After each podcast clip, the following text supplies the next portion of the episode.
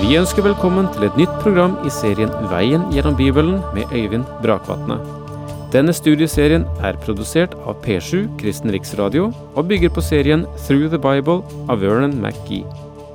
I dag fortsetter vi med profeten Joel.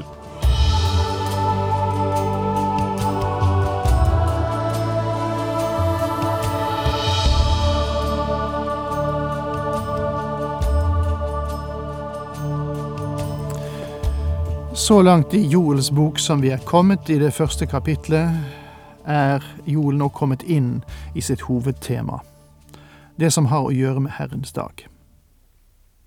Tidligere i sin bok har han nå lagt grunnlaget, sammenlignet Herrens dag med en gresshoppsverm som farer frem. Så har han kalt på lederne og på folket, og pekt på ti forhold som burde prege dem i denne tid, som, eh, som ikke bare som et forvarsel til, men som en forberedelse til Herrens dag, som vil komme.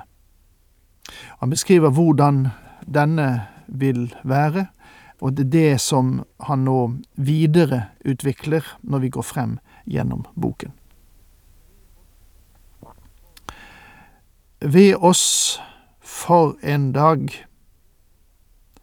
sier han i eh, det femtende verset i kapittel én. Ja, nære Herrens dag, den kommer med ødeleggelse fra Den allmektige. Og det er i dette verset vi akkurat nå befinner oss, og som vi forlot da vi sa farvel til hverandre sist. Skriften taler om en annen dag som kommer. Jesu Kristi dag taler Paulus om, men her tales om en annen dag som er, som er Herrens dag.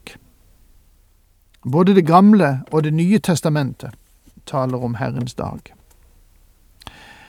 2. Tessalonika-brev kapittel 2 vers 2 forteller oss La dere ikke så lett drive fra vett og sans, og bli ikke skremt, verken av profetord eller påstander, eller av brev som sier å være fra oss, om at Herrens dag alt er kommet. De troende i Tessalonika var redd for at de skulle ha gått glipp av bortrykkelsen. Paulus forsikrer de troende om at de ikke vil gå igjennom Herrens dag. Joel vil gjøre det helt klart hva Herrens dag er. Han vil si at Herrens dag er mørk, dyster og vanskelig. Hebreernes synspunkt var at de ville gå inn i riket umiddelbart, at livet ville være en bris uten noen problemer i det hele tatt. Men Joel sier at Herrens dag begynner ved nattetid med mørke.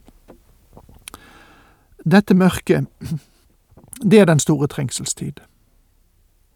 Den vil være som en gresshoppeplage som er kommet med sine fire typer gresshopper, som de fire rytter i åpenbaringen, som skal ride under den store trengsel. Da vil Herrens dag inkludere Kristi komme til jorden for å opprette sitt rike. Da skal hans folk stå fram for hans åsyns solskinn. Ja, det var håpet i Det gamle testamentet, og det var det Det gamle testamentet lærte. Kjære dere, jeg håper dere kan se hvor viktig det er å studere hele Bibelen. En mann skrev til meg og forklarte hva han trodde Herrens dag var. Han skrev flere sider og refererte til det ene og det andre skriftstedet, men han nevnte aldri ett vers fra Joel. Han forsto ikke at Joel er selve nøkkelen. Joel var den første skriftprofeten. Du kan ikke se at Herrens dag er noe annet enn det Joel sier at den er. Det må passe inn i det programmet som han beskriver.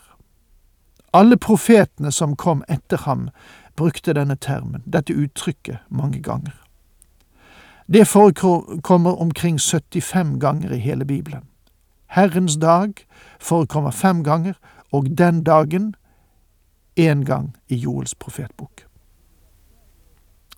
Alle profetene har mye å si om Herrens dag, og vi må være klar over at det er en teknisk term som er definert og brukt stadig i Skriften.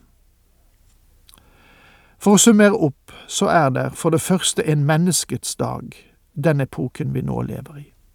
For det andre, den Herre Jesu Kristi dag kommer da han vil hente sin menighet ut av verden.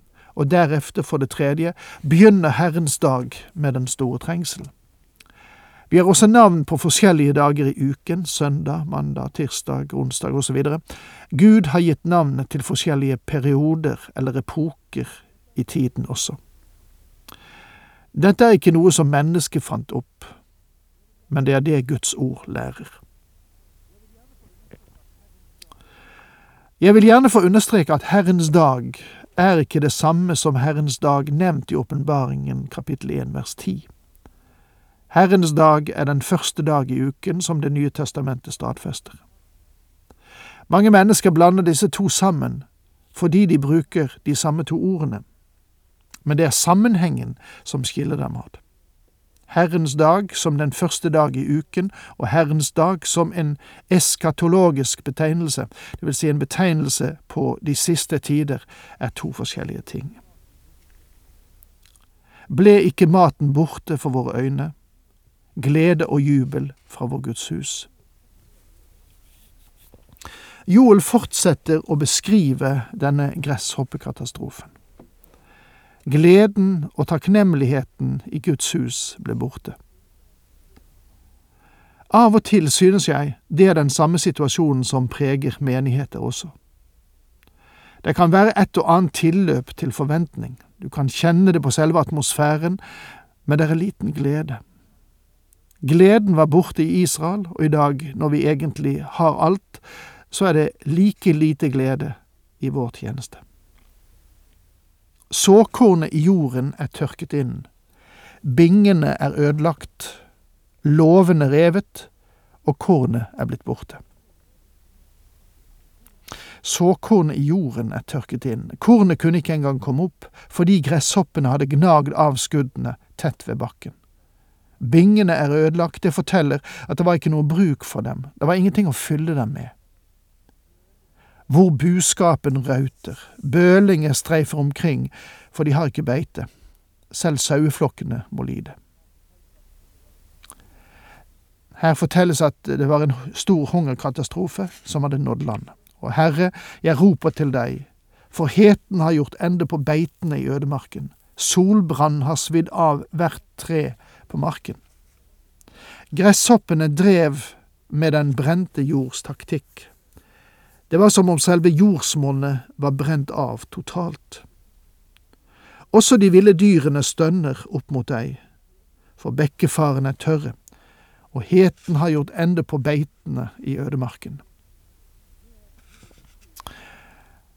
Det Joel beskriver her, er en forferdelig, ja, nesten ubeskrivelig tid.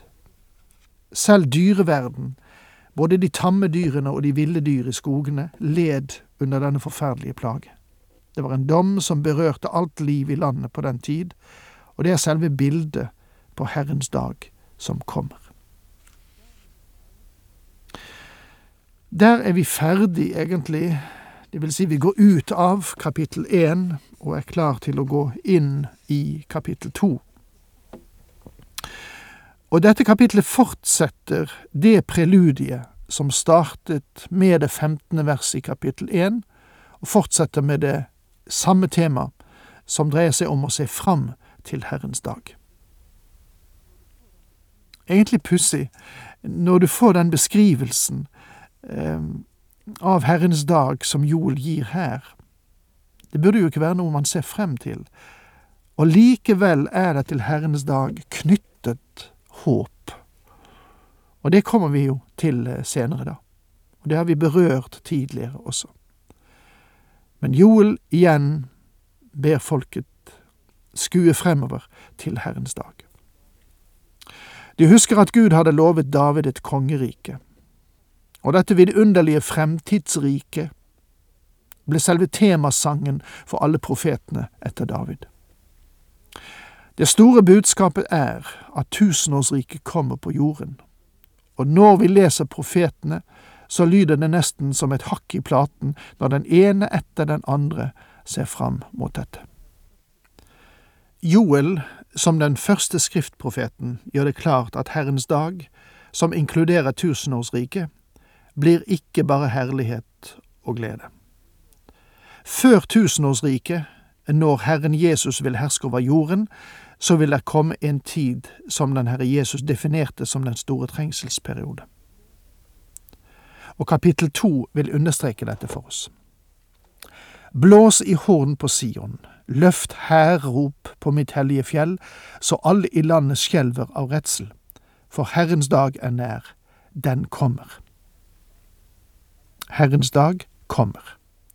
La meg igjen minne dere om at Joel er den første skriftprofet, og han skuer ned gjennom århundrene og ser Herrens dag. Den begynner med mørke, det vil si dom. Deretter kommer Kristus til jorden og oppretter sitt rike. Og profeten Malaki taler om ham som rettferdighetens sol, som går opp med legedom under sine vinger. Blås i horn på Sion, løft hærrop på mitt hellige fjell. Sion og mitt hellige fjell henviser til Jerusalem. Han sier at det skal blåses i horn, og at det skal være et signal til strid.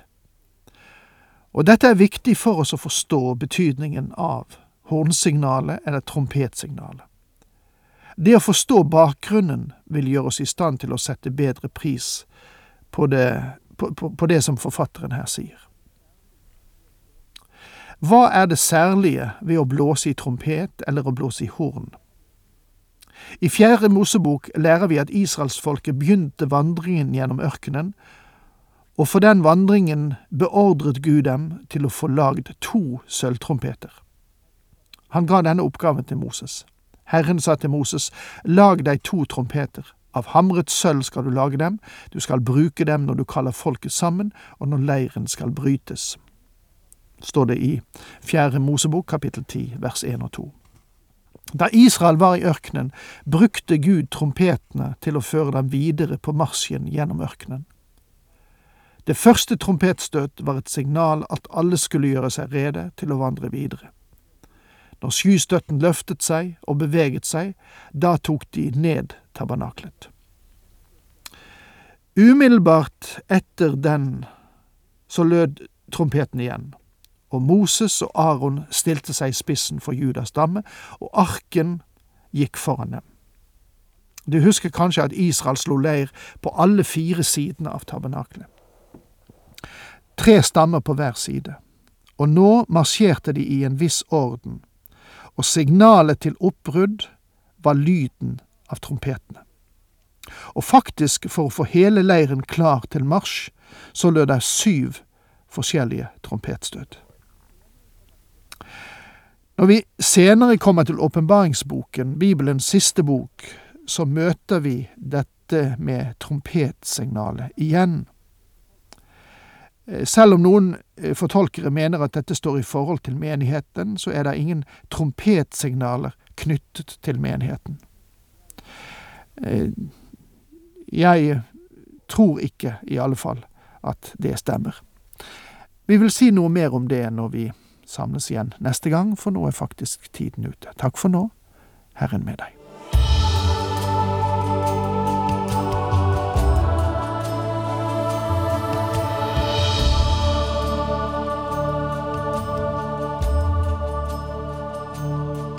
Du hørte Øyvind Brakvatne i studieserien Veien gjennom Bibelen. Serien bygger på et manus av Vern McGee. Har du spørsmål eller kommentarer til programmet, kan du sende en e-post til vgb krøllalfa p7.no. Takk for i dag, og på gjenhør.